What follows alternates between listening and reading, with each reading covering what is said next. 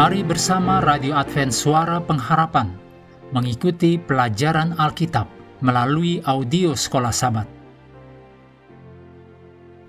Selanjutnya, kita masuk untuk pelajaran Selasa 17 Januari. Judulnya Tujuan Pemberian Persepuluhan. Mari kita mulai dengan doa singkat yang didasarkan dari Mazmur 119 ayat 108. Kiranya persembahan sukarela yang berupa puji-pujian berkenan kepadamu, ya Tuhan. Amin.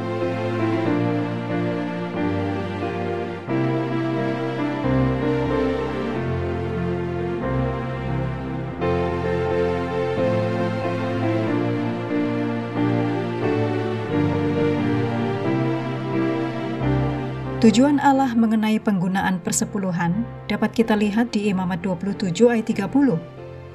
Demikian juga segala persembahan persepuluhan dari tanah, baik dari hasil benih di tanah maupun dari buah pohon-pohonan, adalah milik Tuhan.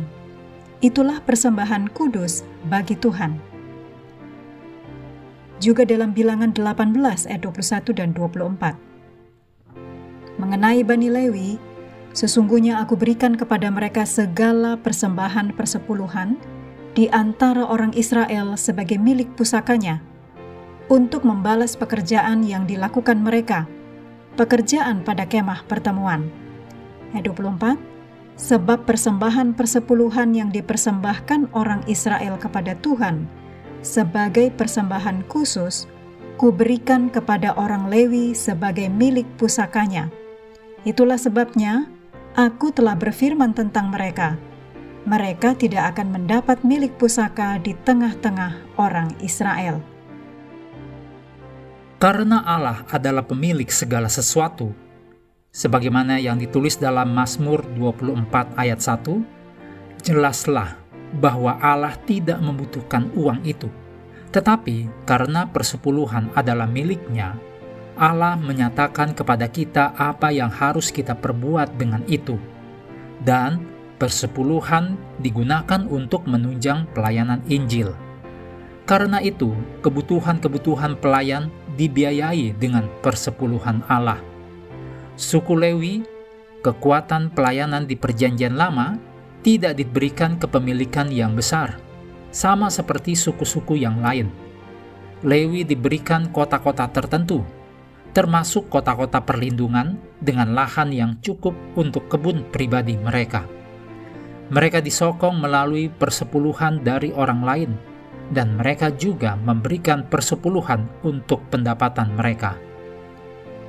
Pekabaran yang berhubungan dengan persepuluhan juga terdapat dalam kisah 20 ayat 35. Dalam segala sesuatu telah kuberikan contoh kepada kamu, bahwa dengan bekerja demikian kita harus membantu orang-orang yang lemah dan harus mengingat perkataan Tuhan Yesus.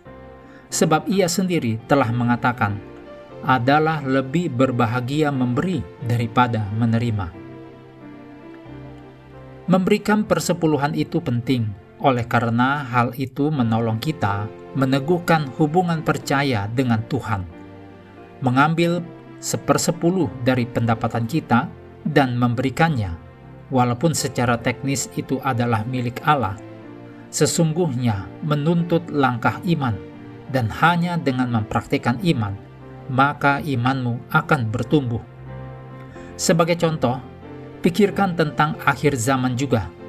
Ketika umat yang setia tidak dapat membeli atau menjual, sebagaimana yang digambarkan dalam Wahyu 13 sampai Wahyu 14, nanti akan dibahas di pelajaran pekan ke-11.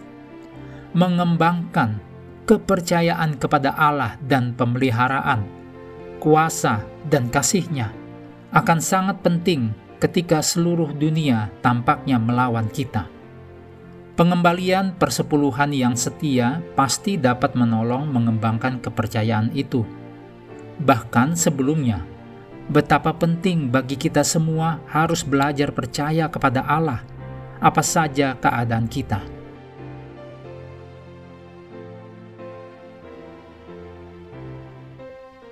Alasan besar yang kedua untuk kesetiaan dalam keuangan adalah untuk mendapatkan janji berkat nyata dari Allah. Sebagai bagian dari kontrak pemberian persepuluhan, Allah telah menjanjikan berkat-berkat yang besar sehingga kita tidak akan memiliki cukup tempat untuk menerimanya. Dengan semua kelebihan kita, kita dapat menolong orang lain dan menolong untuk mendukung pekerjaan Allah dengan persembahan kita. Kiranya Anda telah dan terus mengalami kebenaran besar ini, bahwa adalah lebih berbahagia memberi daripada menerima. Mengakhiri pelajaran hari ini, mari kembali ke ayat hafalan kita dalam Maleaki 3 ayat 10. Bawalah seluruh persembahan persepuluhan itu ke dalam rumah perbendaharaan, supaya ada persediaan makanan di rumahku, dan ujilah aku, firman Tuhan semesta alam.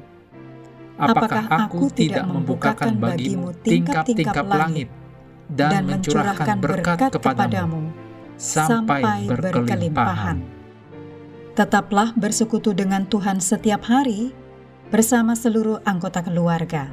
Melalui renungan harian, pelajaran Alkitab, sekolah sahabat, juga bacaan Alkitab sedunia, percayalah kepada nabi-nabinya, yang untuk hari ini melanjutkan dari 2 Tawarif pasal 2. Tuhan memberkati kita semua.